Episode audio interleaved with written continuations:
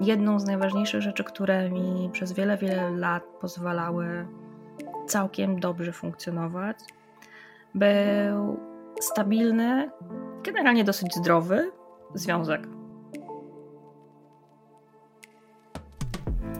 Cześć, nazywam się Ola. Mam 36 lat, normalną pracę, męża i ADHD.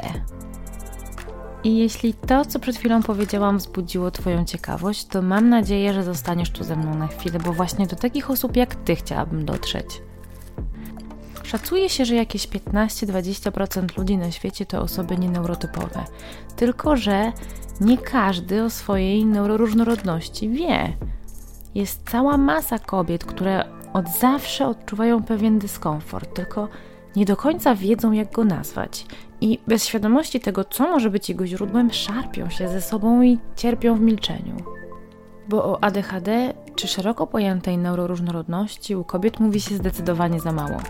I bardzo chciałabym, żeby ten stan rzeczy zaczął się powoli zmieniać. No i właśnie dlatego tu jestem.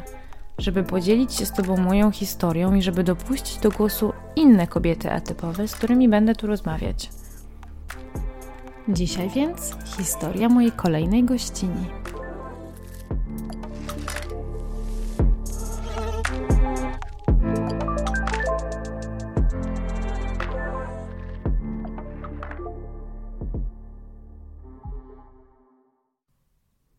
Moją kolejną gościnią jest Ania Dłowichowska. Niektórym z pewnością znana jako prowadząca podcast Spokojnie to tylko ADHD. Ania ma 38 lat i diagnozę ADHD, tak jak wiele z nas, dostała w czasie pandemii, chociaż to już w dzieciństwie usłyszała diagnozę dysleksji i dysgrafii. Chociaż akurat w jej przypadku to wcale nie ADHD było punktem wyjścia do szukania tego brakującego elementu układanki. Zresztą poza moim podcastem Ania opowiada o tym, jak to z tą diagnozą u niej było, również u siebie i to już w pierwszym odcinku.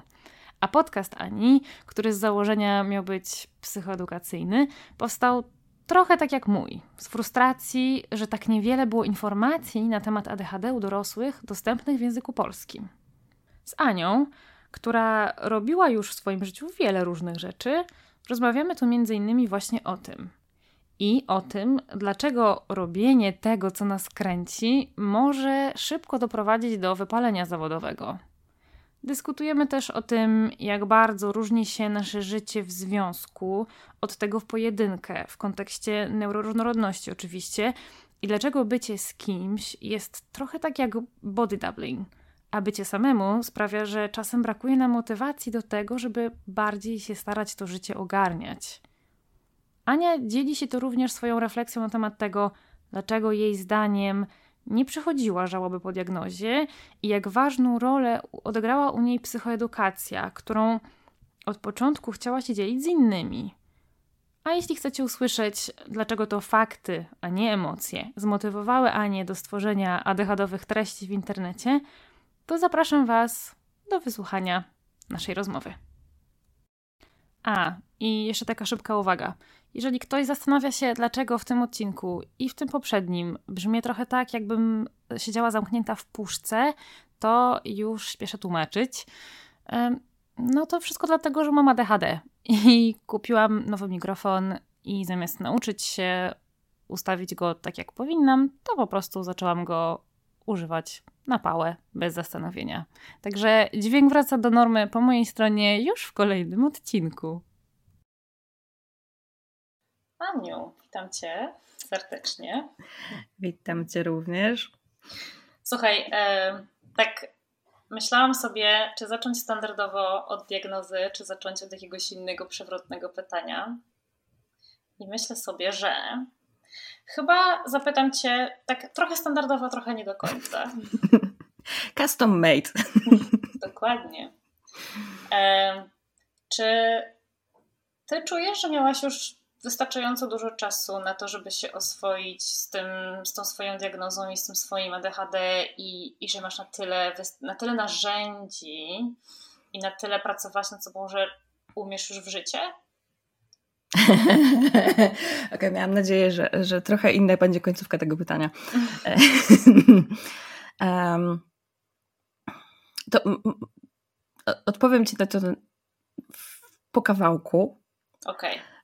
I też trochę mając w pamięci, że w innych odcinkach bo przesłuchałam chyba poza ostatnim wszystkie bo stwierdziłam, że muszę na niego zostawić. To jest taki temat, że muszę sobie zostawić e, jakby przestrzeń na niego.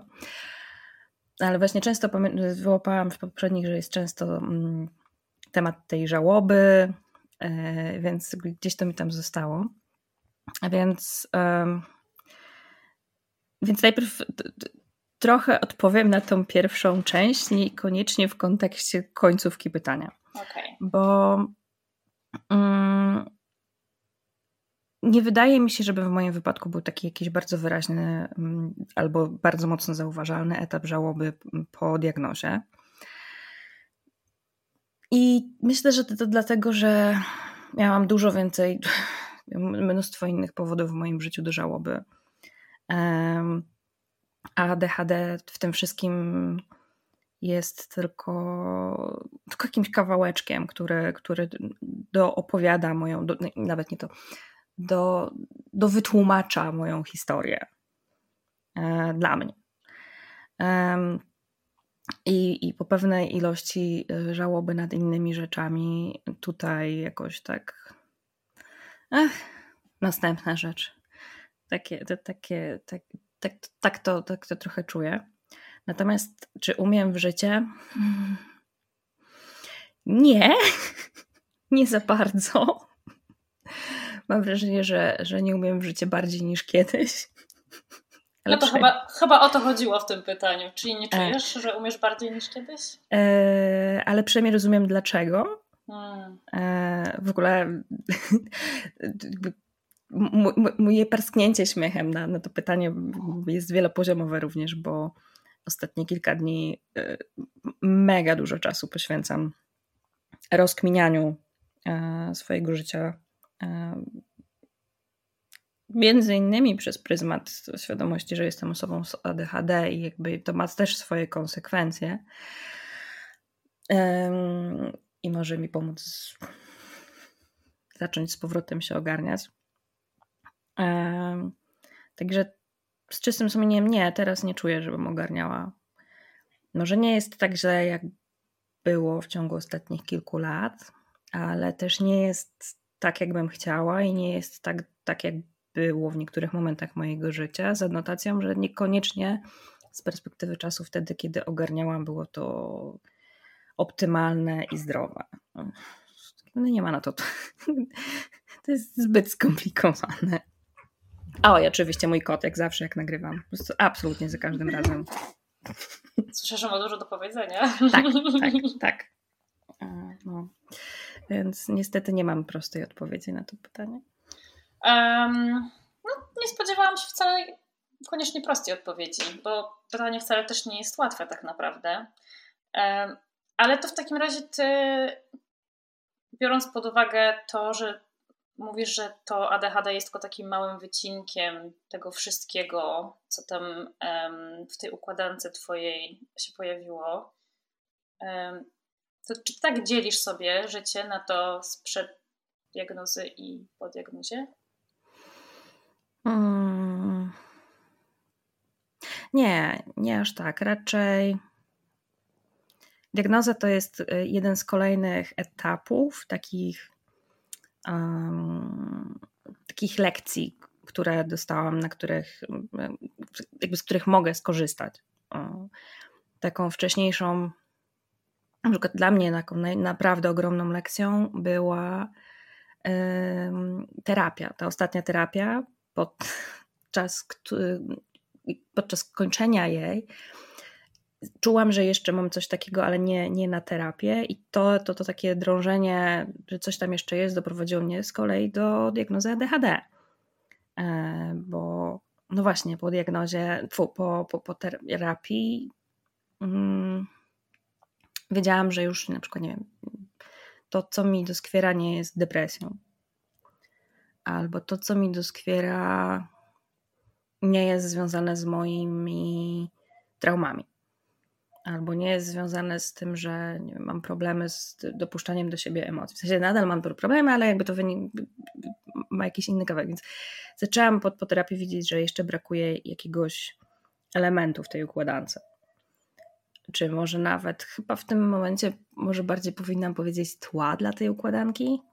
Tak sobie teraz myślę, bo, bo jednak e, ADHD wydaje mi się takim no kurczę, no je, jest tam zawsze, tak? W, w, w, takiej czy w innej ekspresji. Um, ono jest, ono jest kawałkiem mnie, było zawsze, świadomie lub nie. Um, determinowało pewne rzeczy. No i ten obrazek bez tła jednak nigdy nie był kompletnym obrazkiem.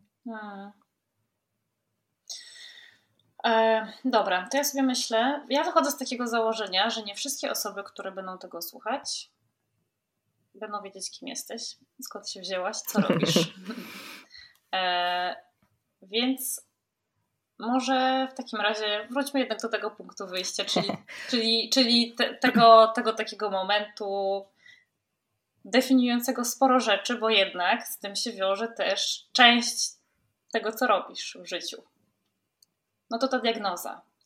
Wspomniałaś już, że że ona wyszła gdzieś tam w czasie terapii, ale jak to było dokładnie?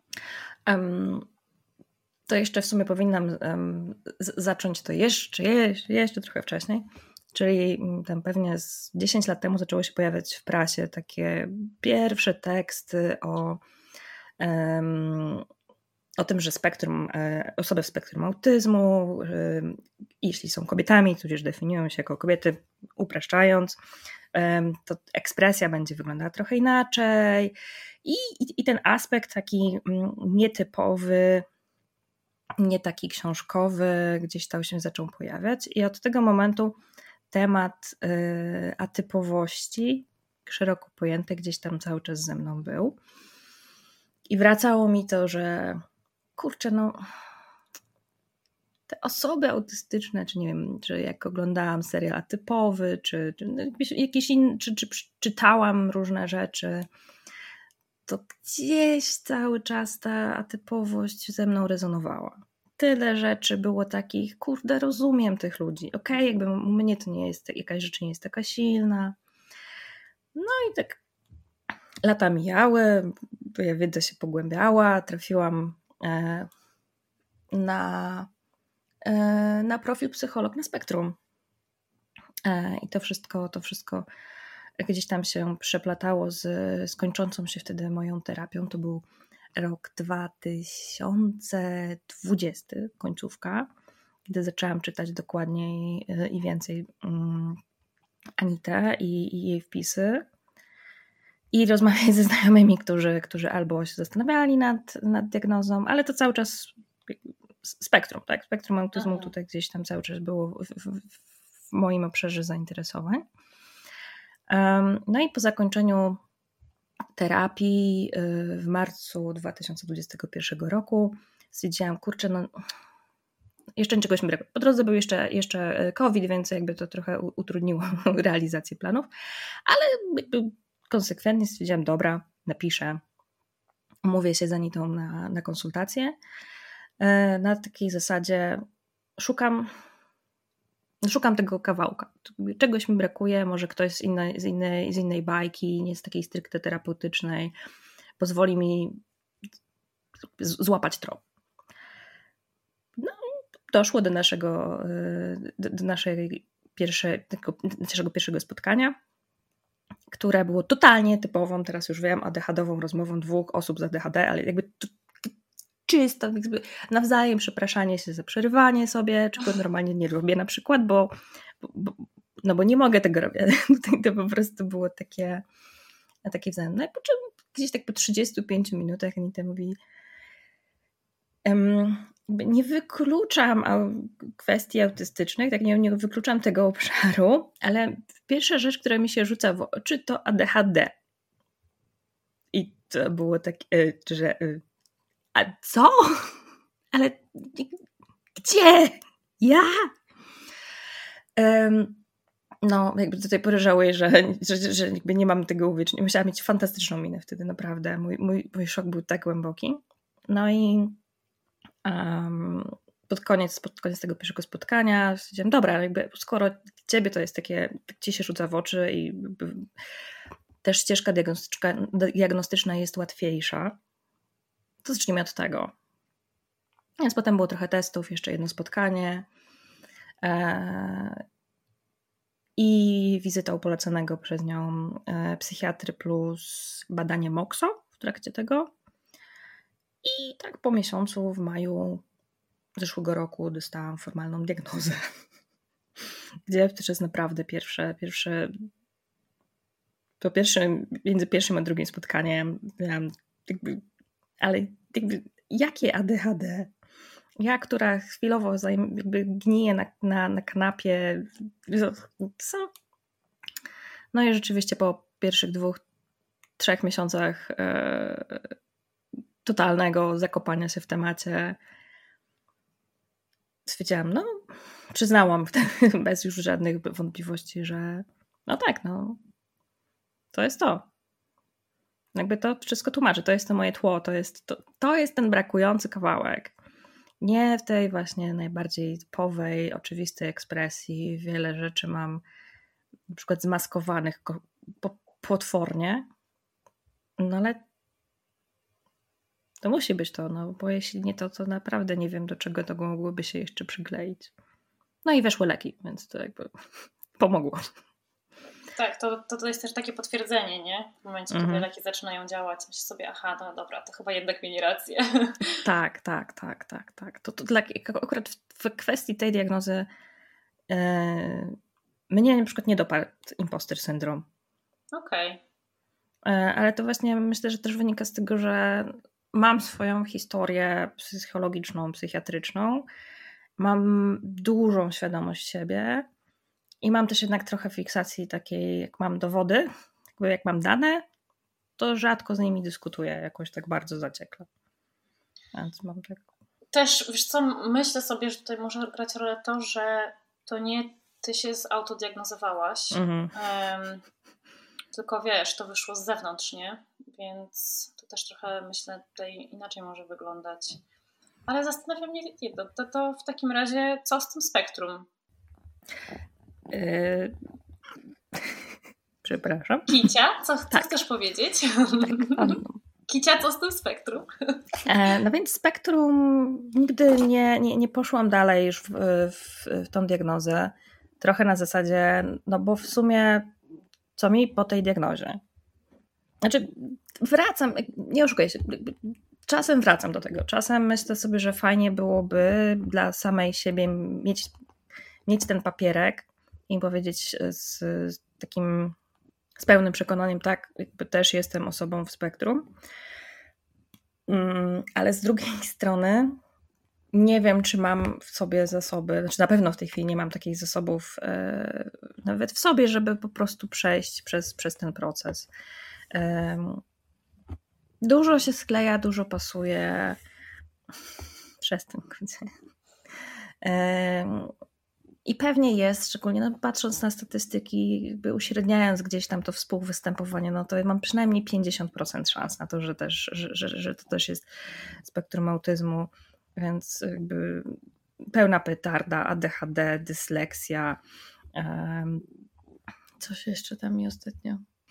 Mogę kolekcjonować dalej, tylko, tylko no w sumie w sumie po co?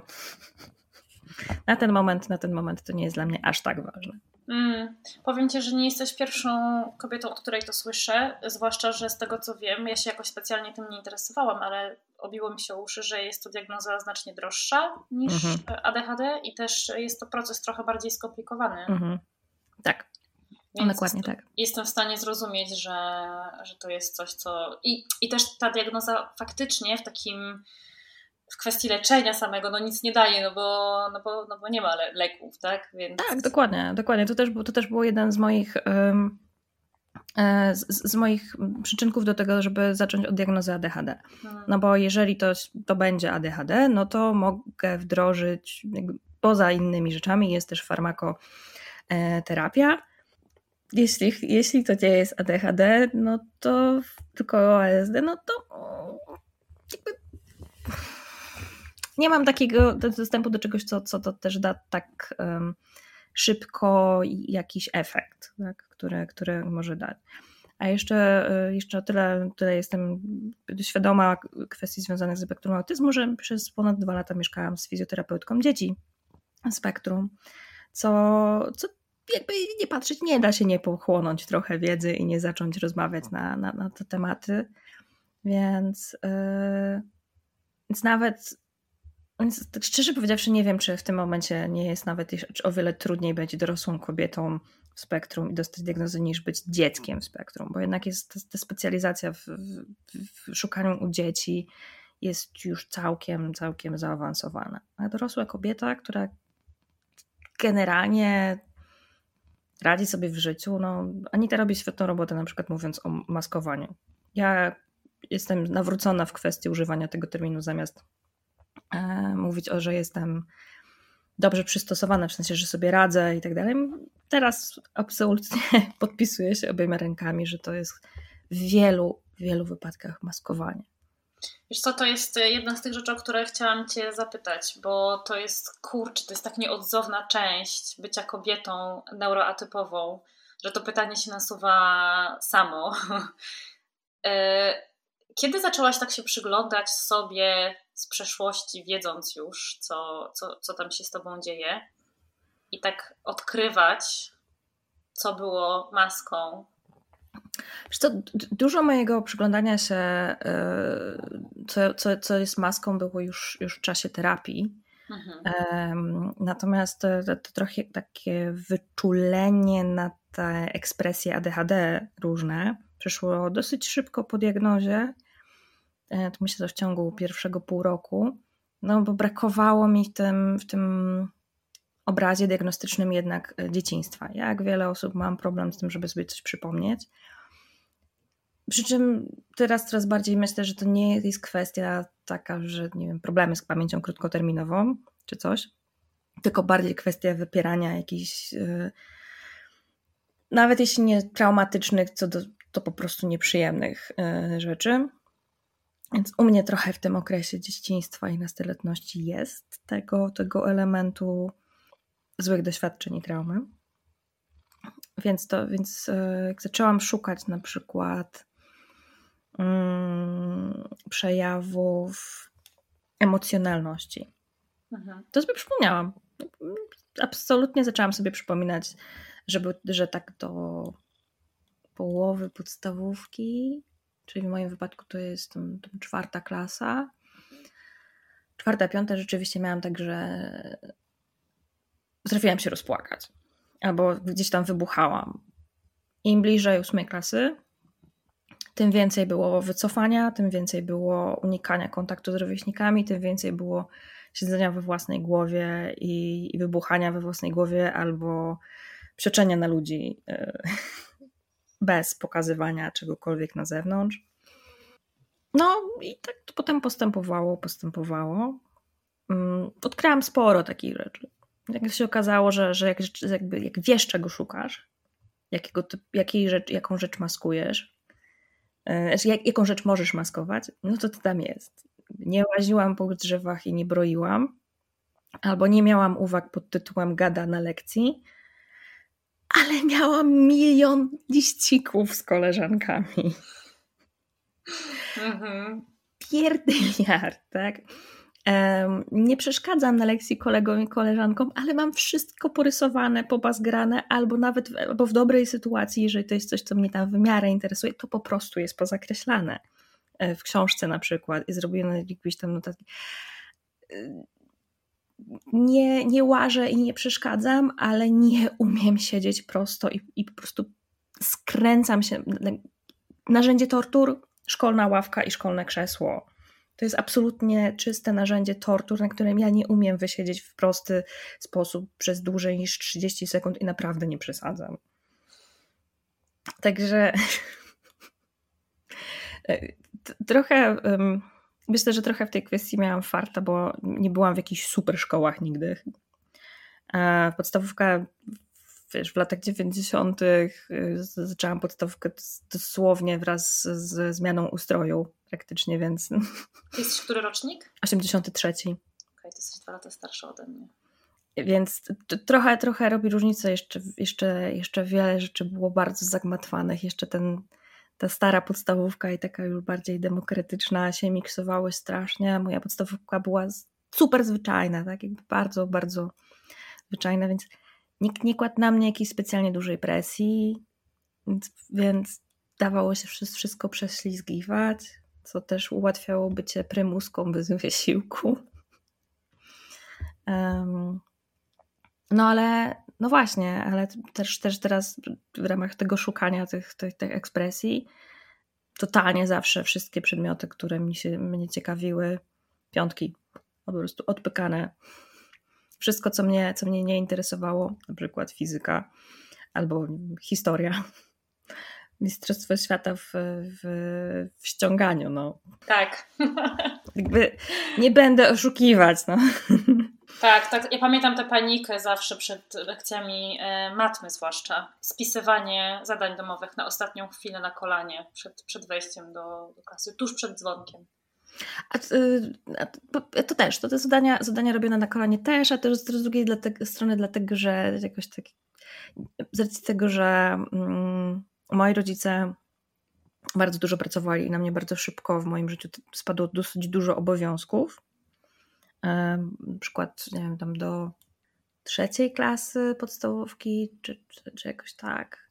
Prowadzili własną działalność, sprzedawali chleb, więc generalnie nie było ich. Tak, moi rodzice spędzali w domu 6 godzin dziennie, plus niedzielę. Więc nie mieli czasu się mną zajmować i, i, i mnie wychowywać.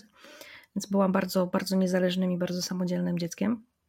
Więc miałam dużo do zrobienia i, i mało przykładów tego, żeby na przykład jakby za, nauczyć się um, priorytetyzować swoje własne rzeczy, typu szkoła. Ale że robiłam wszystko z dużą łatwością, no to napisanie pracy domowej na kolanie na przerwie, gdzie i tak nie chciałam mieć kontaktu ze swoimi rówieśnikami, nie było generalnie większym problemem. Z trzeciej strony, jak była to na przykład chemia, którą rozpykiwałam od momentu po prostu, albo biologia w sumie też, po prostu pykałam bez najmniejszego problemu, no to po co mam nad tym siedzieć w domu? Przynajmniej mam co robić na przerwie. No tak. Mhm. No a potem to życie zawodowe twoje też wcale nie było jakieś takie proste i wytyczone jak w przypadku wielu osób neurotypowych, nie? O Jezu, tak. To jest w ogóle... E, w sumie myślę, że tutaj trochę, trochę, trochę mam farta, trochę, trochę na pewno. Bo potem jak skończyłam technikum i poszłam w sumie na, nie na wymarzone studia, tylko na te, które były stopień bardziej mm, prestiżowe, ale z tego samego zakresu. Nie polecam nigdy takiej decyzji. Katastrofa.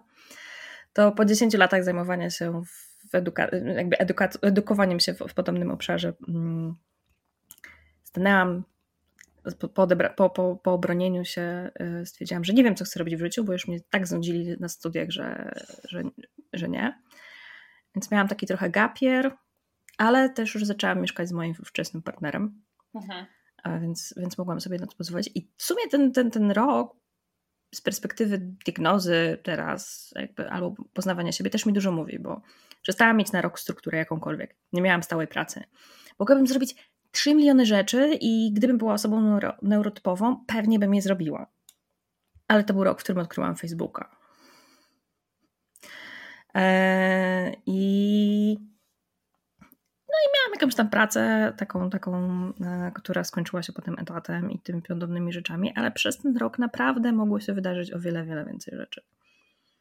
Ale ten brak struktury, Boże, po prostu czuję, aż nawet teraz, to było dosyć dawno temu, potrafię sobie przypomnieć, zobaczyć siebie siedzącą w konkretnym miejscu mieszkania, w którym wtedy mieszkaliśmy i poczuć, jak bardzo jestem sparaliżowana z jednej strony tą świadomością, że mam mnóstwo czasu, zdrowie kocie, z drugiej tym wszystkimi możliwościami i generalnie dochodzi 17 i mój partner niedługo wróci z pracy. Więc to było, to, to, teraz to jest strasznie smutne z tej perspektywy czasu. No, a potem, a potem zostałam event managerką i project managerką, tak w dużym uproszczeniu. Moim zdaniem to jest absolutnie, przynajmniej dla części osób z, z ADHD, absolutnie wymarzona praca, e, bo co, ciągle coś się dzieje, ciągle coś się zmienia, e, ciągle na coś trzeba reagować i totalnie po prostu pochłonęła mnie ta praca, aż mnie zjarała kompletnie i wypaliła i rozwaliła mi zdrowie.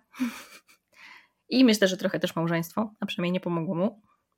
Niemniej e, nadal pracuję jako project managerka, więc nadal uważam, że to jest dobra praca e, dla, dla mnie, tylko no właśnie, teraz już wiem, jak do tego podejść.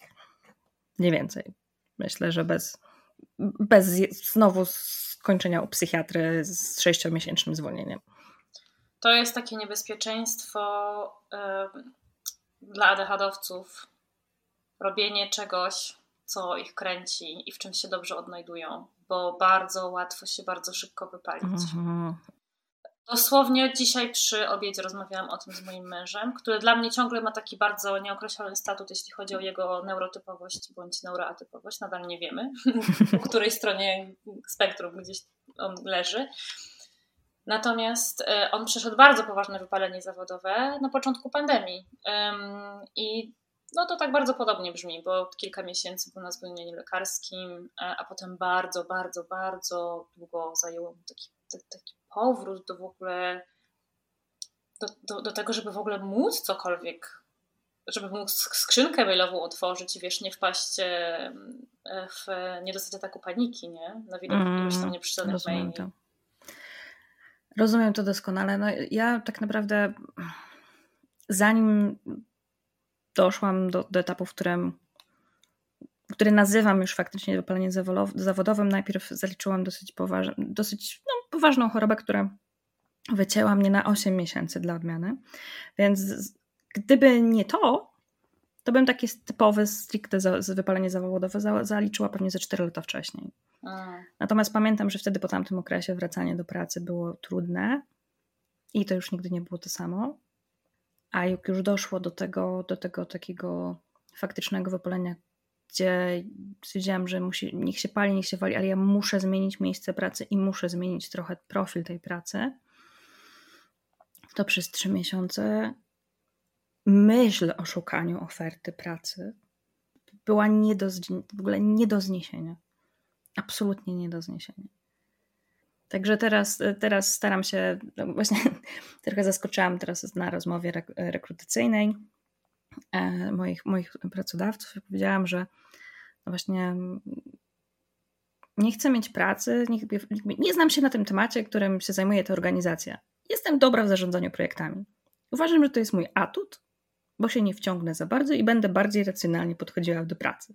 To i moja pani dyrektor trochę tak dziwnie na mnie patrzyła, ale uważam to za atut, że nie zrobię sobie znowu tego, co wcześniej i, i po prostu lepiej ocenię e, sytuację, bo 8 lat pracy w jednej instytucji, e, gdzie, gdzie, gdzie naprawdę no wiem, że zrobiłam super fantastyczne i spektakularne rzeczy, ale nigdy więcej nie chcę zapłacić takiej ceny.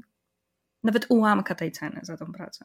To jest to. I wiesz co, ja mam czasami wrażenie, że te takie starsze pokolenia, które nie musiały, tak jak my, tak się wiesz, y, bić i szarpać i udowadniać czegoś, tylko mieli pracę, w której siedzieli przez 20-30 lat mhm. bez takiego zagrożenia, że coś, coś może pójść nie tak i mogą tę pracę stracić. Często nie rozumieją tego, że w ogóle, że, że wypalenie zawodowe to jest coś. Coś, że to jest prawdziwe. tak, jak, tak jak trochę, wiesz, za, za DHD, nie? Wypalenie zawodowe? To nie istnieje. Czegoś takiego w ogóle nie ma. Wymyślacie sobie, nie? Młodzi. No. Nie chce wam się pracować. Myślę, że tak. Że, znaczy, myślę, że dopóki wiele osób nie doświadczy czegoś takiego, ale też nie, nie ma szansy doświadczyć, bo, bo tak jak mówisz, no oni są z zupełnie innego świata. Chociaż z drugiej strony, jeżeli, jeżeli chce się zobaczyć i popatrzeć na ludzi, to, to można to zrozumieć. To jest właśnie myślę o mojej mamie, która e, musiała na przełomie lat 80. i 90. porzucić swoją E, pracę, którą super kochała i przejść do pracy koniec końców przez 25 lat super nudnej, super powtarzalnej. E, swoją drogą przypuszczam, że moja mama ma ADHD. tak super zmaskowane i super e, wytre, wytresowane.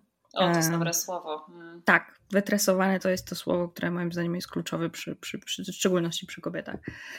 Ale ona ma umysł naukowca, takiego, takiego badacza, a pracowała jako analityk w laboratorium, wiedząc dokładnie o godzinie 6.05, co będzie robiła do godziny 13.55. E, więc, ale jak się chce, nawet, nawet jak się ma trochę in, innego typu pracy, jak się chce, to można to zrozumieć, tylko trzeba chcieć. No. Nie, no oczywiście, potrzebna jest odrobina empatii, nie? Tak, i kwestii. przede wszystkim chęci, no. Są refleksji. No, ale wiadomo, jakby. Bardzo tak, to jest taka rzecz, której bardzo chcę uniknąć, ale też, też to wypalenie wiem, że cisnęło się na mnie pewnie na zawsze, bo na przykład boję się dać ponieść czemuś Ba bardzo się boję, szczególnie, że teraz mam bardzo skąpy system wsparcia. Jestem bardzo stabilny, tak mam, mam, mam, e, mam swoją ochanę, jak to mówi moja przyjaciółka. Ale, e, ale jestem sama, jestem singielką, wiele rzeczy tylko i wyłącznie na mnie, więc to jest bardzo specyficzna sytuacja. I na przykład boję się ponieść e, jakimś bardziej pasjonującym fragmentom mojego życia. Tak? Mam pomysł na drugi podcast y, mm, z zupełnie innej branży. Ten podcast, ten, ten pomysł w ogóle czeka na realizację do dwóch lat. Chociaż mam, mam już nazwę, to już coś. Więc, yy, mam, mam całą, jakby jest, mam całą tonę rzeczy, tylko no właśnie, prawda jest taka, że boję się, że jeśli się za bardzo w to wkręcę, to zabraknie mi czasu na i zasobów na, na zrobienie tego, co, co trzeba, a ostatnie kilka lat naprawdę nie było dla mnie najłatwiejszych i cały czas się borykam z nadrabianiem rzeczy. Stąd też ta moja odpowiedź e, na samym początku, że nie umiem życie bardziej niż kiedyś, bo mój backlog się nie zmniejsza. A jak myślisz, z czego to wynika w takim razie? Moja ostatnia teoria, którą wałkuję od dobrych kilku miesięcy, jest taka, że jedną z najważniejszych rzeczy, które mi przez wiele, wiele lat pozwalały całkiem dobrze funkcjonować, był stabilny, generalnie dosyć zdrowy związek. Był taką moją opoką i takim, takim dobrym uziemieniem. Mm, teraz od kilku lat Mniej lub bardziej jestem w relacjach zdrowszych, już częściej zdrowszych niż niezdrowych. E, no, ale koniec końców na ten moment, na ten moment jestem sama. To po tym, jak się było już raz w takim bardzo długoterminowym związku, nie jest takie proste. A to nie jest tylko kwestia przyzwyczajenia, bo tak od razu, jak, jakby za każdym razem, jak zaczynam o tym mówić, to przychodzi mi do głowy, że zaraz ktoś to skomentuje w kategoriach, no ale musisz się nauczyć być sama i sobie radzić, jakby seriously, umiem to robić, tak jakby to, to nie jest kwestia tego, że, że mam problem z tym, że po prostu szukam jakiegokolwiek związku, bo boję się być sama i tak dalej. Nie, to nie o to chodzi. Chodzi o to, że moim optymalnym środowiskiem jest dobry związek romantyczny i dobra rodzina z wyboru szeroko pojęta i tak dalej, i tak dalej, i tak dalej. Teraz jestem w dobrym miejscu, nie jestem w żadnym negatywnym związku, nie mam w zasadzie z, z toksycznych ludzi w moim otoczeniu. Okej, okay, ale jakby jeszcze jest tam parę poziomów wyżej, które mogłyby być.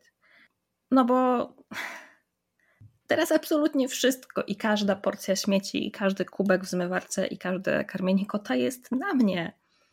I mimo tego, że te, te, te obowiązki przez wiele, wiele lat y, wykonywałam, to sam fakt, że nie trzeba robić pewnych rzeczy w 100% samemu, jest super. A jeszcze bardziej, to też jest taka rzecz, którą sobie myśląc przez perspektywę specyfiki ADHD-owego mózgu, uświadomiłam ostatnio, że na mnie bad double działa fantastycznie. To znaczy, jeżeli ja z, z osobą, z którą jestem, zajmujemy się tymi wszystkimi okropnymi, nudnymi rzeczami w tym samym czasie, to one się wydarzą, bo je tak. robimy wspólnie i to się samo nakręca. Jednym z takich też momentów, które wykopałam z mojej pamięci, było to, że kiedy mój, e, mój, mój mąż pewne rzeczy przestał robić, z jakiegoś to powodu zaczęło się sypać, gdzie mi też było z tym trudno, no to, to już była taka lawina, nie do, nie do powstrzymania. Ale, kiedy, ale przez lata to działało. Dlaczego? Mhm. Bo robiliśmy to razem. Obydwoje tego nie lubiliśmy, no bo kto to lubi w większości wypadków, ale każdy z nas miał swój kawałek i robiliśmy te rzeczy w, w podobnym czasie, w tej samej przestrzeni. I tyle. Jakby nie trzeba się było nad tym zastanawiać, nie trzeba było się jakby zmuszać. I tak dalej, i tak dalej, i tak dalej. Stąd też myślę, że dla mnie tak, to jest też taki poważny, po, poważny deficyt, yy, który nie pozwala mi funkcjonować na, na takich, w takiej najlepszej wersji siebie. Hmm. To ma bardzo dużo sensu to, co mówisz. Ja doskonale to rozumiem, bo tak opierając się, wiesz, na, na rozmowach z tymi wszystkimi kobietami, z którymi rozmawiałam do tej pory, rzeczywiście, kiedy ja pytam je o to, co im pomaga funkcjonować na tyle dobrze, na ile by chciały, to bardzo często ta częścią tej odpowiedzi jest ta druga osoba, bo tak jak mówisz, ale czasem to są takie drobne rzeczy, wiesz, to, że ja po prostu, wiesz, wystawię worek ze śmieciami, postawię go koło drzwi, ja wiem, że mój mąż weźmie i go wyrzuci, a gdyby mm. mojego męża nie było, to ten worek pewnie by tam stał tydzień. tak, tak. Albo dla mnie to jest wręcz do, do tego stopnia, że no kurczę, nie muszę, jak jest ta druga osoba, no to przynajmniej co jakiś czas ta osoba wrzuci rzeczy do zmywarki, chyba tak. z nich wyjmie. A jak jest się samemu, to nie masz wyboru. 100% rzeczy tak. musisz zrobić samodzielnie. Tak. Ja wiesz co? Ja, tak, ja widzę różnicę, jak, jak mojego męża nie ma przez chwilę. I nawet w takie dni, kiedy on jedzie do biura, bo zazwyczaj pracujemy w 100% zdalnie, ale w momencie, kiedy on jedzie do biura i ja jestem sama cały dzień, nagle wszystko leży, nagle jest wokół mnie robi się taki syf. Łóżko jest niepościelone, naczynia stoją, wiesz, niewstawione do zmywarki. I dopiero jak patrzę na zegarek i wiem, że może za chwilę wróci, to nagle wiesz, jest pełna mobilizacja, ścielenie łóżka, wstawianie naczyń do zmywarki, ogarnianie siebie. E, tak wyglądał mój rok e, między studiami a podjęciem pracy na etat i tak w sumie też e, wyglądały wszystkie te okresy, kiedy jeszcze mieszkałam z rodzicami i nie wiem, były wakacje, akurat nie wyjeżdżałam w tym czasie i byłam sama w domu. To talerz ze śniadania i, i, i łóżko i tak dalej, wszystko wszystko było, a wiedząc, że nie, moja mama wróci do domu tam 14.20, to 13.50 po prostu natychmiast przylatywało tornado, bo, bo musiał być porządek. W sensie nie to, że nie wiem, dostałby mi łeb urwany czy coś takiego, ale jakbyś tak dobra, muszę posprzątać, a jeszcze pies. Więc, więc, więc to, jakby te wszystkie rzeczy się wydarzały w ciągu tych 20 minut. Mimo, że przez wcześniejszych sześć nie. Albo to jest taka, to taka dodatkowa mobilizacja do tego, żeby po prostu właśnie przynajmniej starać się umieć w życie, nie? Bycie z kimś na co dzień. Znaczy, ja się przyznaję sama przed sobą, że dla samej siebie nie chce mi się. Mm. To jest złe określenie. Nie mam tego do, do końca, no ale powiedzmy, że nie uważam, że dla samej siebie warto być tak bardzo w życie. No i ja to doskonale rozumiem.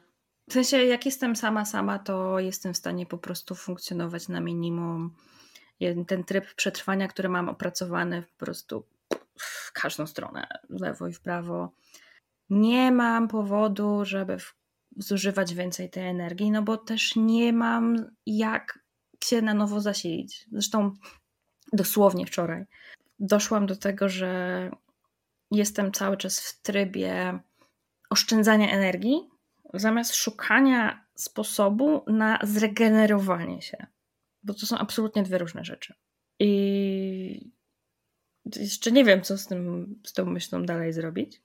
Poza tym, że zapisałam się po raz pierwszy od roku do psychiatry w ramach, w ramach tego, że no jakby mam mnóstwo narzędzi. Tak? Jakby mam mnóstwo wiedzy na ten temat. Jednym z nich jest psychiatra. Więc na razie, na razie zaczynam od tego. E, z takich zewnętrznych.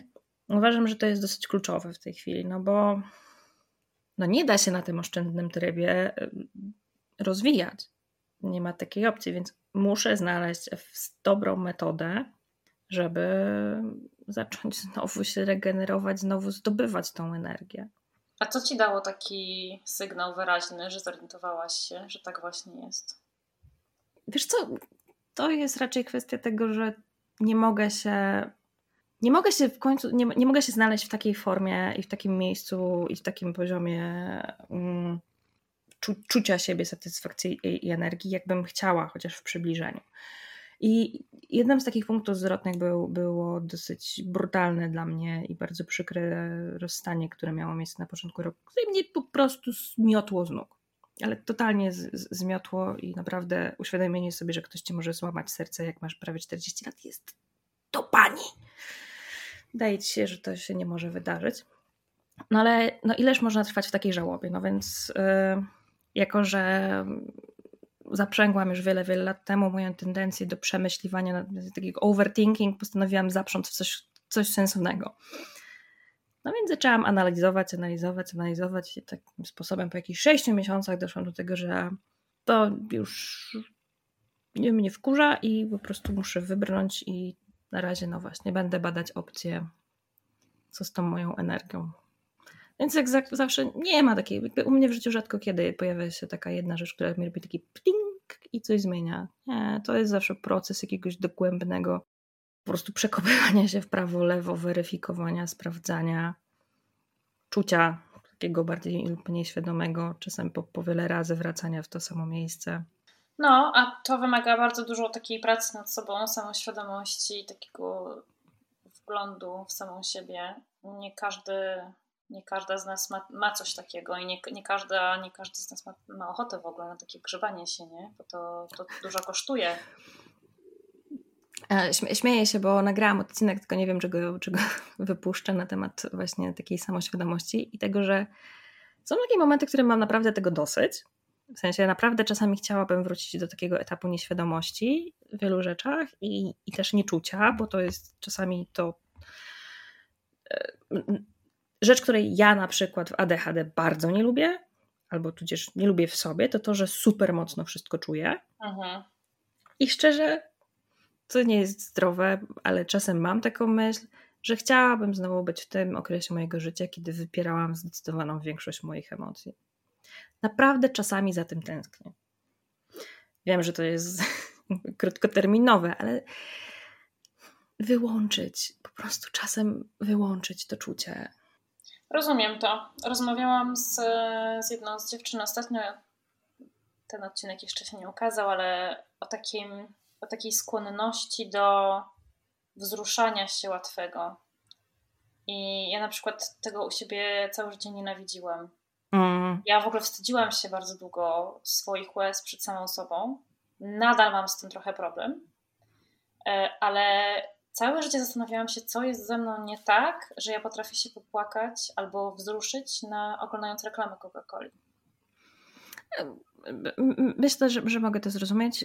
No ja sobie tą, to, to wyłączyłam razem z wszystkimi konsekwencjami tego wiele, wiele lat temu i potem musiałam bardzo długo się uczyć powrotem czuć. No właśnie. I potem, to, wiesz, to, to, to, jest taka nauka na nowo nazywania tych emocji, nie? O Jezu, tak. Um, klasyczny przykład z mojej terapii. Co pani czuje, pani Aniu? I zaczynamy opisywać sytuację, ale nie, nie. Co pani czuje? Tak. No przecież mówię, co. Nie, mówi pani co, to, co się, co się wydarzyło, a nie co pani czuje. E, tak, więc jakby ten, ten, ten, fragment zostanie, myślę, ze mną na zawsze w mojej głowie. U mnie było dokładnie tak samo. Ale też e, nauczyłam się, że czasem mogę obejść i jakby schakować to, więc na przykład robię, zaczynam się przyglądać, co się dzieje w moim ciele.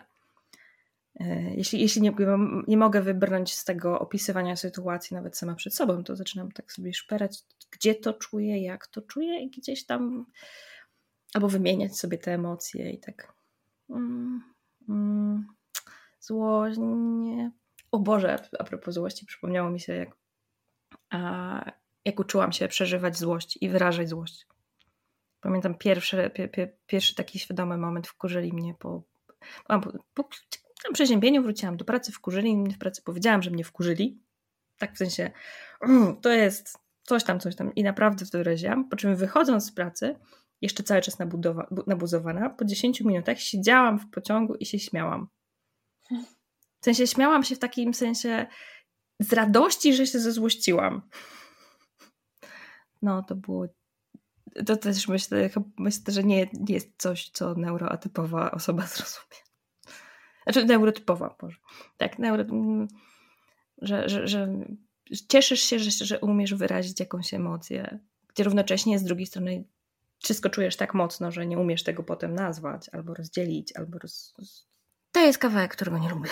Tak, rozumiem to. Rozumiem to doskonale, bo mam z tym też nadal ogromny problem. Ale wspomniałaś o tym takim odbieraniu sygnałów z ciała. To też wcale nie jest takie proste i oczywiste i to też wymaga pracy, nie? Mm -hmm. To, mhm. jest, to jest duży kawałek takiego, wiesz, takiej roboty mindfulnessowej. Mm -hmm. Więc tak. E, to też nie każdy umie i nie każdemu się chce. Ale wiesz, każda rzecz to jest, tak, może nie każda, ale zdecydowana większość rzeczy jest w kategoriach, czy chcę temu poświęcić swój czas tak. i energię, albo czy chcę wziąć za to odpowiedzialność, czy chcę włożyć w ten wysiłek. Bo masy rzeczy możemy się nauczyć o sobie, z sobą. No, mam, mam problem z takim podejściem, że ADHD to jest w ogóle samo zło i, i niszczy mi życie i tak dalej. Mamy takie mózgi, jakie mamy. I teraz tak, zazwyczaj ktoś zwalił w naszym dzieciństwie, bo nawet jeśli nie można byłoby dostać, szansa, żebym dostała w, tam, w latach 90. diagnozę jest zerowa. Tak. Zerowa. Tak. E, a byłam, byłam skonsultowana i tak dalej, dostałam diagnozę dysleksji, dysortografii, coś tam jeszcze, więc jakby zero szans moglibyśmy, jakby zwalił ktoś gdzieś w naszym życiu na przykład to, że nie dał nam pewnej uważności i nie uczył nas um, kompetencji, nie potrzebujesz diagnozy, żeby rodzic nie musi mieć diagnozy, żeby być świadomym, jakby obecnym i, i, i odpowiadającym na potrzeby dzieci, tak? Jakby, więc to nie ADHD zawiniło temu, to nie mój mózg wini temu, że mam takie specyficzne potrzeby, tylko inne aspekty, że nie zostały te rzeczy zaspokojone. No więc teraz mam swoje życie, jestem świadoma, że mam ADHD i parę innych rzeczy. No i mogę coś z tym zrobić albo nie. To nie jest kwestia tego, czy będę się bardziej starać, żeby, nie wiem, zdać prawo jazdy, czy żeby się nauczyć robić listy z, z rzeczami do zrobienia. Nie, to jest kwestia mądrego podejścia do swojego życia. Bo można przepalić każdą ilość energii, jeśli się nie zużywają jej w sposób dobry dla siebie. Tak, no bo to też, też to umienie w życie dla każdego oznacza coś innego, nie? Dla jednej mm. osoby to będzie umienie korzystania z kalendarza, a dla kogoś innego to będzie, wiesz, yy, yy, pilnowanie tego, że myje zęby codziennie, nie? Dokładnie. Pamiętam, że przy diagnozie właśnie w ogóle to, to mnie ubawiło, bo potem jak zaczynałam czytać ADHD, to permanentnie czytałam takie teksty, że trzeba umieć e, znaleźć sposób na swój mózg. A ja dokładnie coś takiego powiedziałam na pierwszym spotkaniu, że no mam problem, nie pamiętam o czym to było, ale nie, mam problem z jakąś rzeczą, więc szukam sposobu jak zhakować mój mózg i obejść to, że on nie chce czegoś tam robić. Seriously. Przecież to się pojawia w połowie tekstów ludzi, którzy się dzielą, dzielą swoimi doświadczeniami. Tak, tak, tak, tak. No ale to, no właśnie, to jest moja odpowiedzialność. Dlatego też, no tak jak mówię, ostatnie miesiące spędzam dużym, staram się znaleźć sposób, żeby się wyplątać i zrozumieć dokładnie, gdzie jestem i dlaczego tu jestem. I, i wiem coraz więcej, no bo trochę nie chcę, nie chcę zmarnować sobie życia. Bo jeśli nie, jeśli, prawda jest taka, że jeżeli nie, zna, nie, nie zrozumiem, nie wybrnę z tego miejsca, to będę się musiała bardzo blisko i pewnie na bardzo długo zaprzyjaźnić z psychiatrami, a tego bym nie chciała. No i tutaj mnie ciekawi taka jedna rzecz, bo na samym początku powiedziałaś, że ty tej żałoby po ADHD nie przeszłaś, bo po tej diagnozie, bo tak naprawdę to tylko jeden element w tej całej takiej dużej układance i że, że były inne rzeczy, które gdzieś tam były większe albo zajmowały więcej przestrzeni. To co, co to takiego było? Um, na pewno nie powiem o wszystkich, ale um, jednym z takich, y, takich ważniejszych, znaczy w ogóle tak, um, żadna z tych rzeczy sama w sobie pojedynczo nie jest jakimś spektakularnym jednym elementem, bo przykładowo, jeżeli mówimy o parentyfikacji, najczęściej mamy do czynienia z sytuacją, kiedy mamy rodziców z jakimś problemem uzależnieniowym albo z, z, wiem, z jakimiś chorobami. Ja myślę, że gdzieś moje doświadczenia też mogę gdzieś się tam wpisują w parentyfikację. Tak jak Ci powiedziałam, był taki moment mojego życia, gdzie moi rodzice w ciągu tygodnia spędzali w domu może 6 godzin. Mieszkaliśmy z dzieckami, tak? więc to nie jest tak, że byłam pozostawiona sama sobie jako dziesięcioletnie dziecko. E, niemniej moje dzieciństwo i nastoletniość były naznaczone tym, że wiele osób w mojej rodzinie bardzo ciężko chorowało. E, szczytem szczytów była sytuacja, kiedy z czterech osób dorosłych mieszkających ze mną, trzy były w tym samym momencie w szpitalu. Była to moja babcia, dziadek i mój tata. I moja mama, która e, miała w tym momencie, e, czekaj, miała wtedy lat 4, 5, jak jeszcze, jeszcze, jeszcze takie 4-5-letnie dziecko i trzy osoby w trzech różnych szpitalach na terenie całej Warszawy. Żeby było, było łatwiej, to to było rozrzucone pomiędzy trzy dzielnice i obie strony Wisły. No i pracowała. Więc to było takie apogeum apogeów, natomiast większość mojego życia, mm, cały czas ktoś był w szpitalu, więc moja mama bardzo dużo też czasu poświęcała zajmowaniu się swoimi rodzicami, mhm. czyli dzietkami, z którymi mieszkaliśmy. Pracowała też zawodowo, tak jak mój tato też pracował zawodowo. Teraz to jest niby dla wszystkich oczywiste, ale, ale w latach 80. i 90. No, tak nie, nie, nie, nie, nie dla wszystkich to było takie jasne. I moi rodzice mieli mało czasu dla mnie. No i rodzice też nigdy nie dostali jakiegoś super um, schematu postępowania z dziećmi yy, i to tym bardziej takimi, które są bardzo wrażliwe, ale też bardzo ciche i dobrze się uczące, więc w sumie są bezproblemowe. Moi rodzice też zostali wytresowani przez swoich rodziców. E, tak. Z pokolenia na pokolenie, z pokolenia na tak. pokolenie. Um, więc jedną z takich rzeczy, które które dla mnie były trudne i ważne, to to, że nie miałam takiego wsparcia i takich rodziców, jak mieli koledzy i koleżanki. Tak, moi rodzice nie przychodzili do szkoły na pierwszy dzień, na pierwszy dzień roku. Nie pamiętam czegoś takiego. Na zakończenie roku szkolnego też nie za bardzo.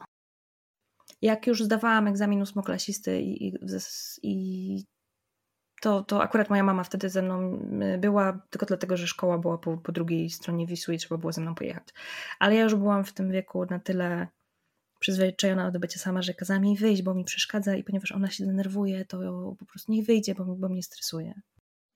Koniec końców byłam dzieckiem wycofanym, z problemami w relacjach, totalnie uważam, że, że, że mój wieloletni związek i, i mój były mąż to w pewnego stopnia uratowało mi życie na wielu poziomach.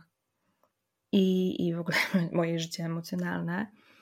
I dla mnie to jest dużo większy kawałek, yy, który wymagał przepracowania, wymagał też przyznania się, że z jednej strony rozumiem do dnia dzisiejszego, czemu moi rodzice nie mieli dla mnie czasu, ale z drugiej strony pogodzenia się z tym, że jednak kurde, to nie w porządku zostawiać kilkuletnie dziecko same z całym światem.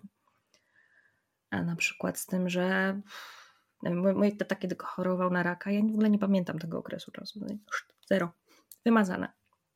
To znaczy, że też nie, nie zostało to zaopiekowane. I to był dla mnie, to były dla mnie takie rzeczy, które wymagały naprawdę żałoby, Aha. takiej głębokiej. Więc po tym wszystkim ADHD to już jest takie okej, okay, jakby to, to uzupełnia ten, ten obrazek. Mhm. No tak, to rzeczywiście ma sens. Ale jednak to o ADHD zdecydowałaś się nagrywać podcast. tak, tak, to prawda. To był, to był wyraz mojego wkurzenia, że nie jestem w stanie dać materiałów moim rodzicom trochę. Okay. Mój research po polsku e, zakończył się mniej więcej po 30 minutach googlowania. Oczywiście. Tam... Wiesz to doskonale. Nie ma tam za bardzo czego szukać. Tak, było 30 minut googlowania po polsku. Dobra, to nie ma najmniejszego sensu. Więc ADHD, adults, ADHD, kobiety. O! I wtedy, wtedy otworzył się cały świat, ale byłam, byłam wkurzona tym, tym wszystkim.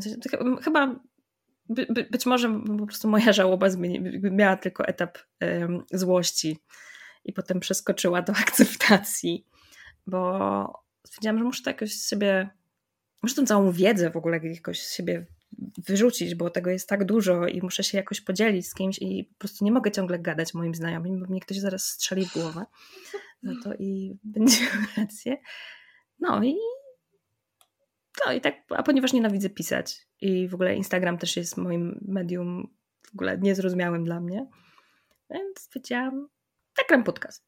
Mam do tego warunki, w sensie mam kogoś, kto może mi to zrobić, pomóc. Mam moja przyjaciółka nagrywa audycję radiową, ma też własny sprzęt, kumpla, który jej to produkuje i tak dalej, i tak dalej, więc od słowa do słowa powstało to, co jest. Więc tak, tak zresztą widać po pierwszych odcinkach, że jest ten zamysł edukacyjny cały czas, tak. a potem już nie. a potem już nie tak bardzo.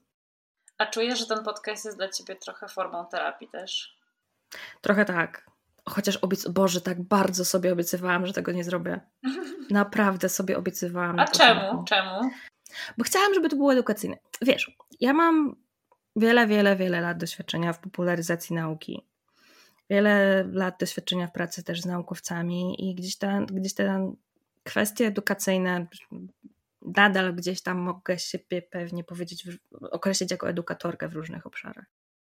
I zależało mi na tym, żeby dać przystępny materiał, a nie gadać o tym, jak się czuję. Um, myślę, że tutaj wychodzi też, też cały czas mój problem z dzieleniem się swoimi emocjami. No i to byłoby odsunięcie się, tak w ogóle pokazanie siebie. No bo prawda jest taka, że wiesz, gadanie o tym, co się czuje, też może być w pewnym stopniu edukacyjne, nie? Jak się okazuje, tak.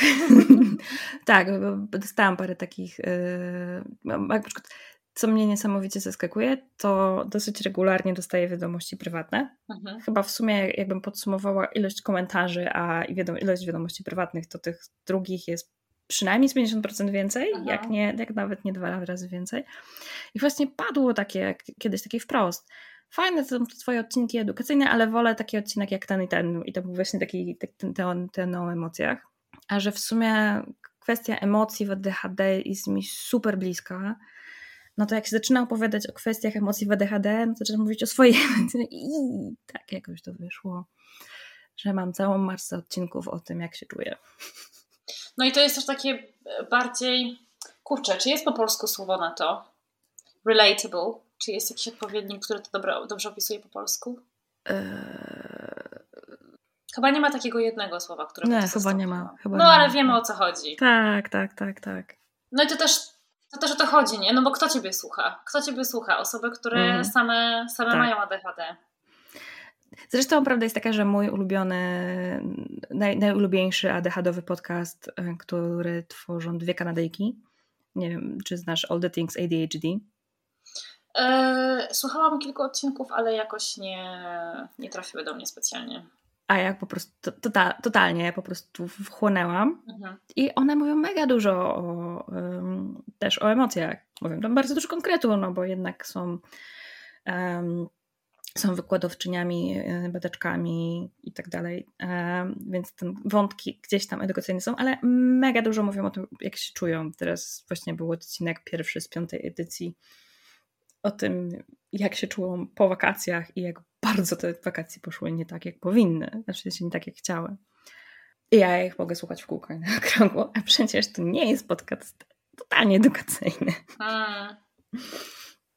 To, jest, to jest ciekawe, że twój zamysł był taki do, prawie że totalnej opozycji do tego, co ja chciałam od początku robić, bo ja wiedziałam, że mnie najbardziej w tym wszystkim interesują właśnie emocje.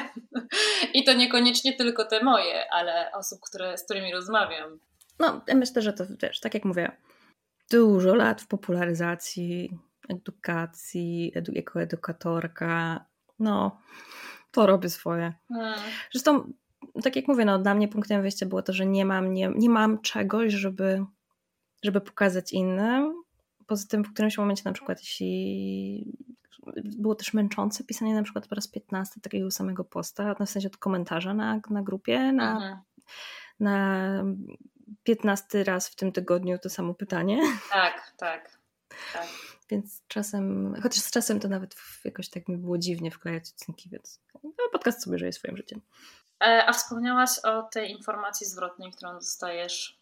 Zdarza się taka niezbyt przyjemna, czy raczej, raczej są pozytywne komentarze?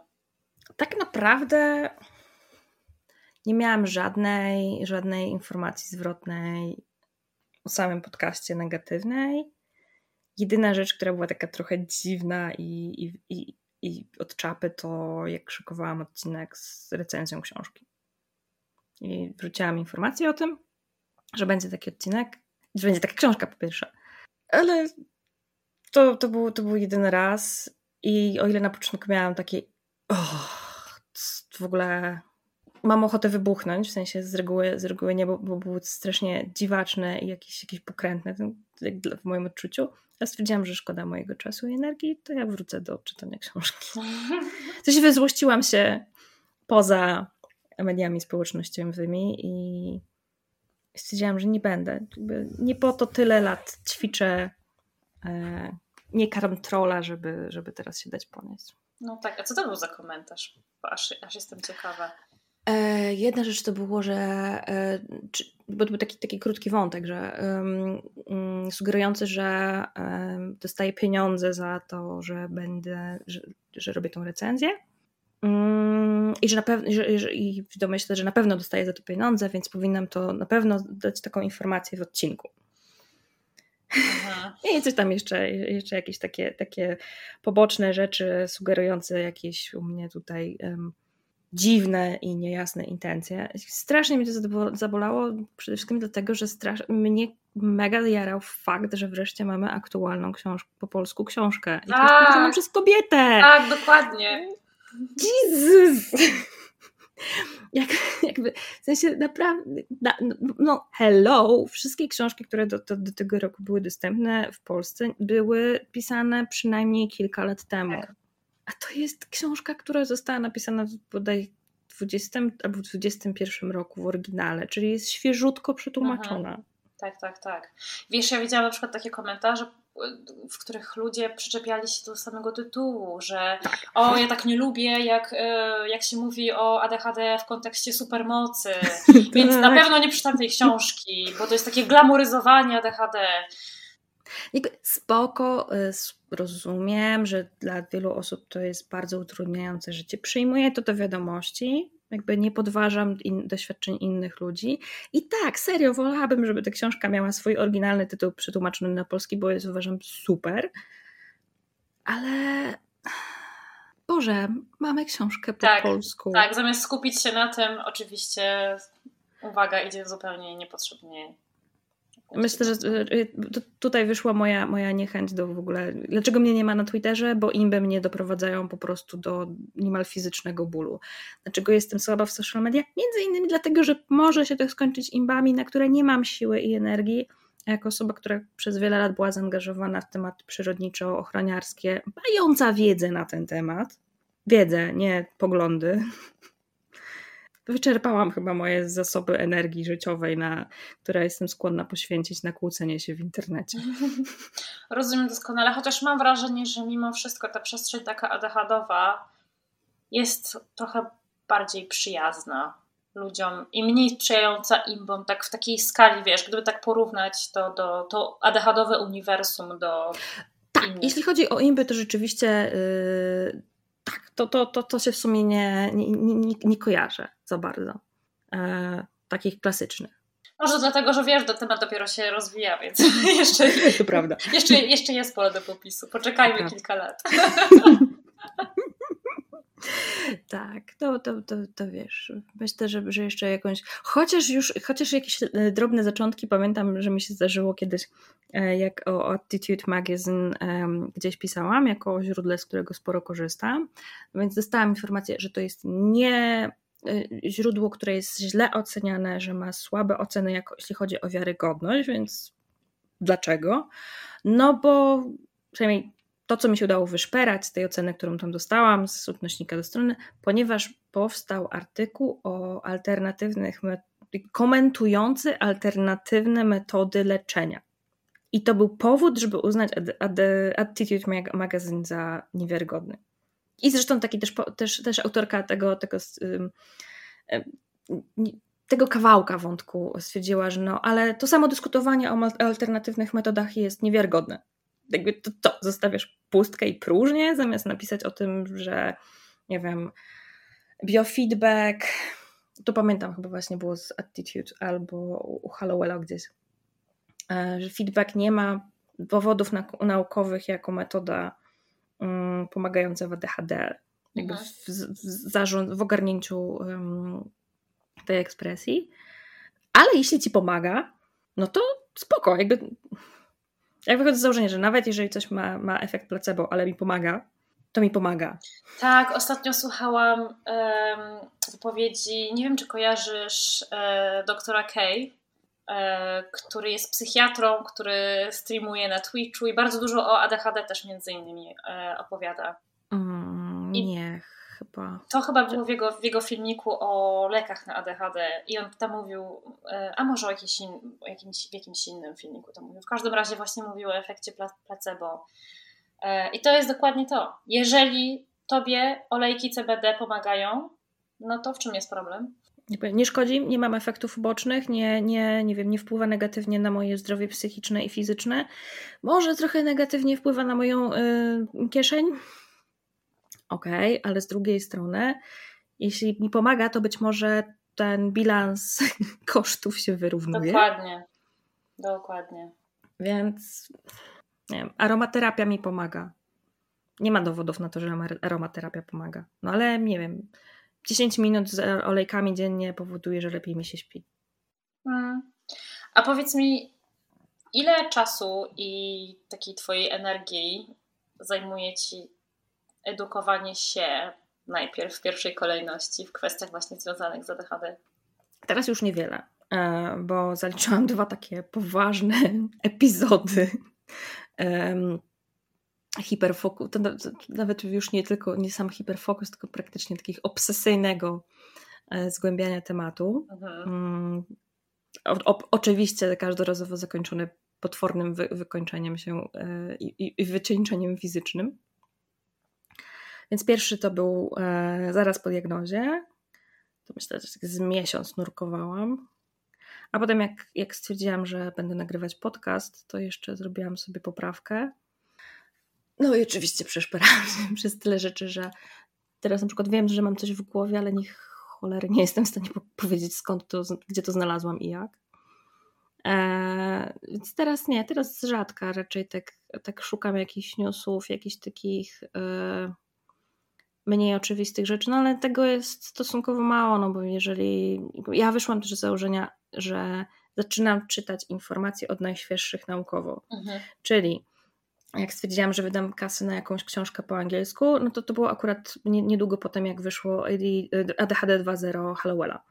E, więc no jeżeli się, jeżeli się szpera od, od najbardziej aktualnych rzeczy wstecz, no to, to potem ten, ten ta ilość tych nowych rzeczy jest, jest coraz mniejsza. Zresztą też nie, nie wszystkie rzeczy mnie. Nie, nie czuję już takiej potrzeby.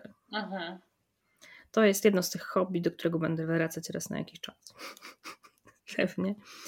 Um, ale jeśli, jeśli nadam na przykład do przeczytania artykuły jakieś, które sobie czekają na taki moje znowu e, jakiś, jakiś lepszy moment. No i, i chyba tyle. Nie, nie, nie czytam. Chyba, że rzeczywiście postanawiam jakiś temat super taki na mnie mało zgłębiony, tak jak o Aleksytymii ostatnio zrobiłam odcinek. To stwierdziłam, kurde, no dobra, coś tam wiem, robiłam testy, a może trochę poczytam jednak. Mhm. Ale to też nie jest jakoś tak, że nie wiem, robię doktorat w tydzień. Okej. Okay. A chcesz się podzielić tym, co to za pomysł na kolejny podcast? Czy jeszcze za wcześnie? E, mogę się, mogę się podzielić, ponieważ jedną z moich pas, no pasji w sumie, e, jest, e, są cydry i miody pitne w wydaniu rzemieślniczym, czyli nie słodkie cydry najczęściej i, i różnorodne, często dziwne, szczególnie zagraniczne miody pitne. To ponieważ od, też od dwóch lat y, trochę się bawię w degustację w tym temacie, to, no, to ma być podcast, który nazywa się, ma się nazywać cydrem i miodem y, płynącym. No. O, to taki jest pomysł. Od dwóch lat. No, dojrzewa sobie. może, może jak rzeczywiście przejdziesz z trybu oszczędzania energii, to coś ruszy. Temat jest fajny. A czujesz, że masz przestrzeń i czas na to, żeby dołożyć jeszcze kolejną rzecz? Myślę, że jak, no właśnie, jak, jak będę mogła te 24 godziny w, w, w dobie, e, jakieś kilka godzin z tego zamienić z opcji nic nie robię, bo boję się, że po prostu się wydrenuję na to, że połowę z tego czasu będę zasysała energię ze świata, to myślę, że pozostałe wystarczą na nagrywanie, bo, bo no, tak jak powiedziałam w międzyczasie, mam tego farta, że nie muszę obrabiać swoich odcinków. To, to, to jest.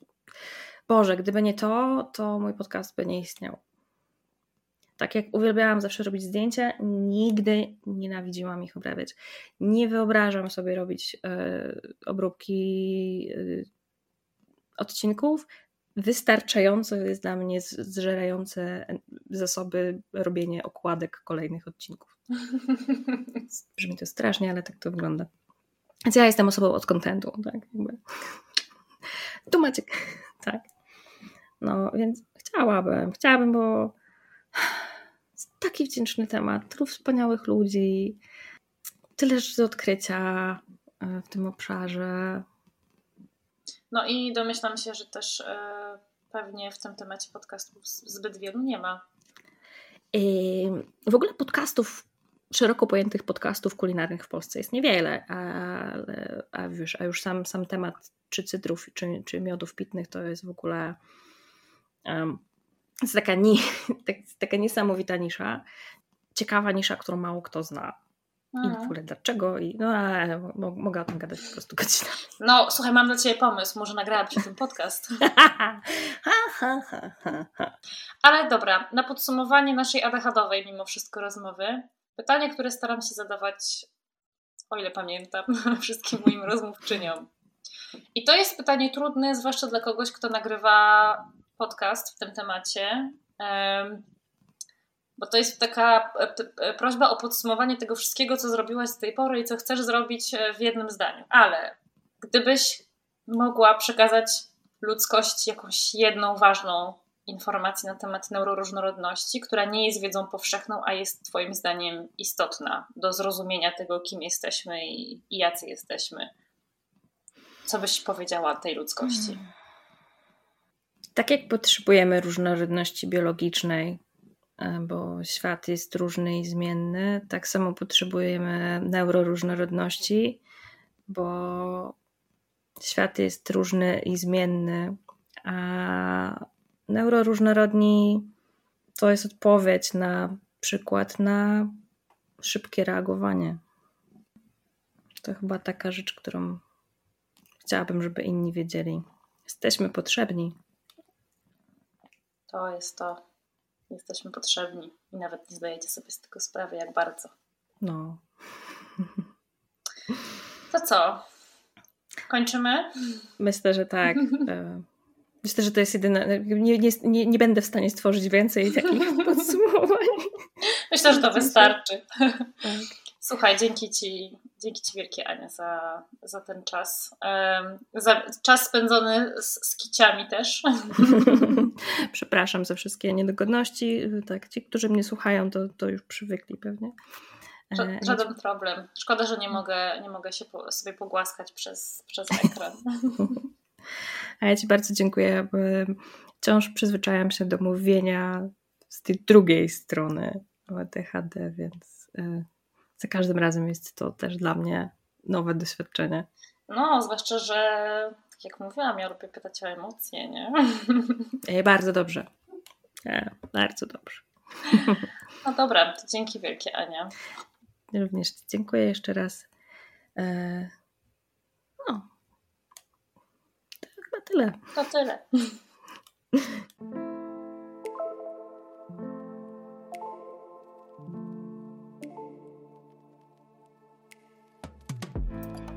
Wielkie dzięki za wysłuchanie tego odcinka. I oczywiście Spotify, YouTube czy TikTok nie powinny być wyznacznikami diagnozy. Ale jeśli to, o czym tutaj rozmawiałyśmy, brzmi dla ciebie podejrzanie znajomo, to mam nadzieję, że zaopiekujesz się sobą i wykonasz pierwszy krok w kierunku pójścia po pomoc, bo każda z nas na to zasługuje. Do usłyszenia w kolejnym odcinku.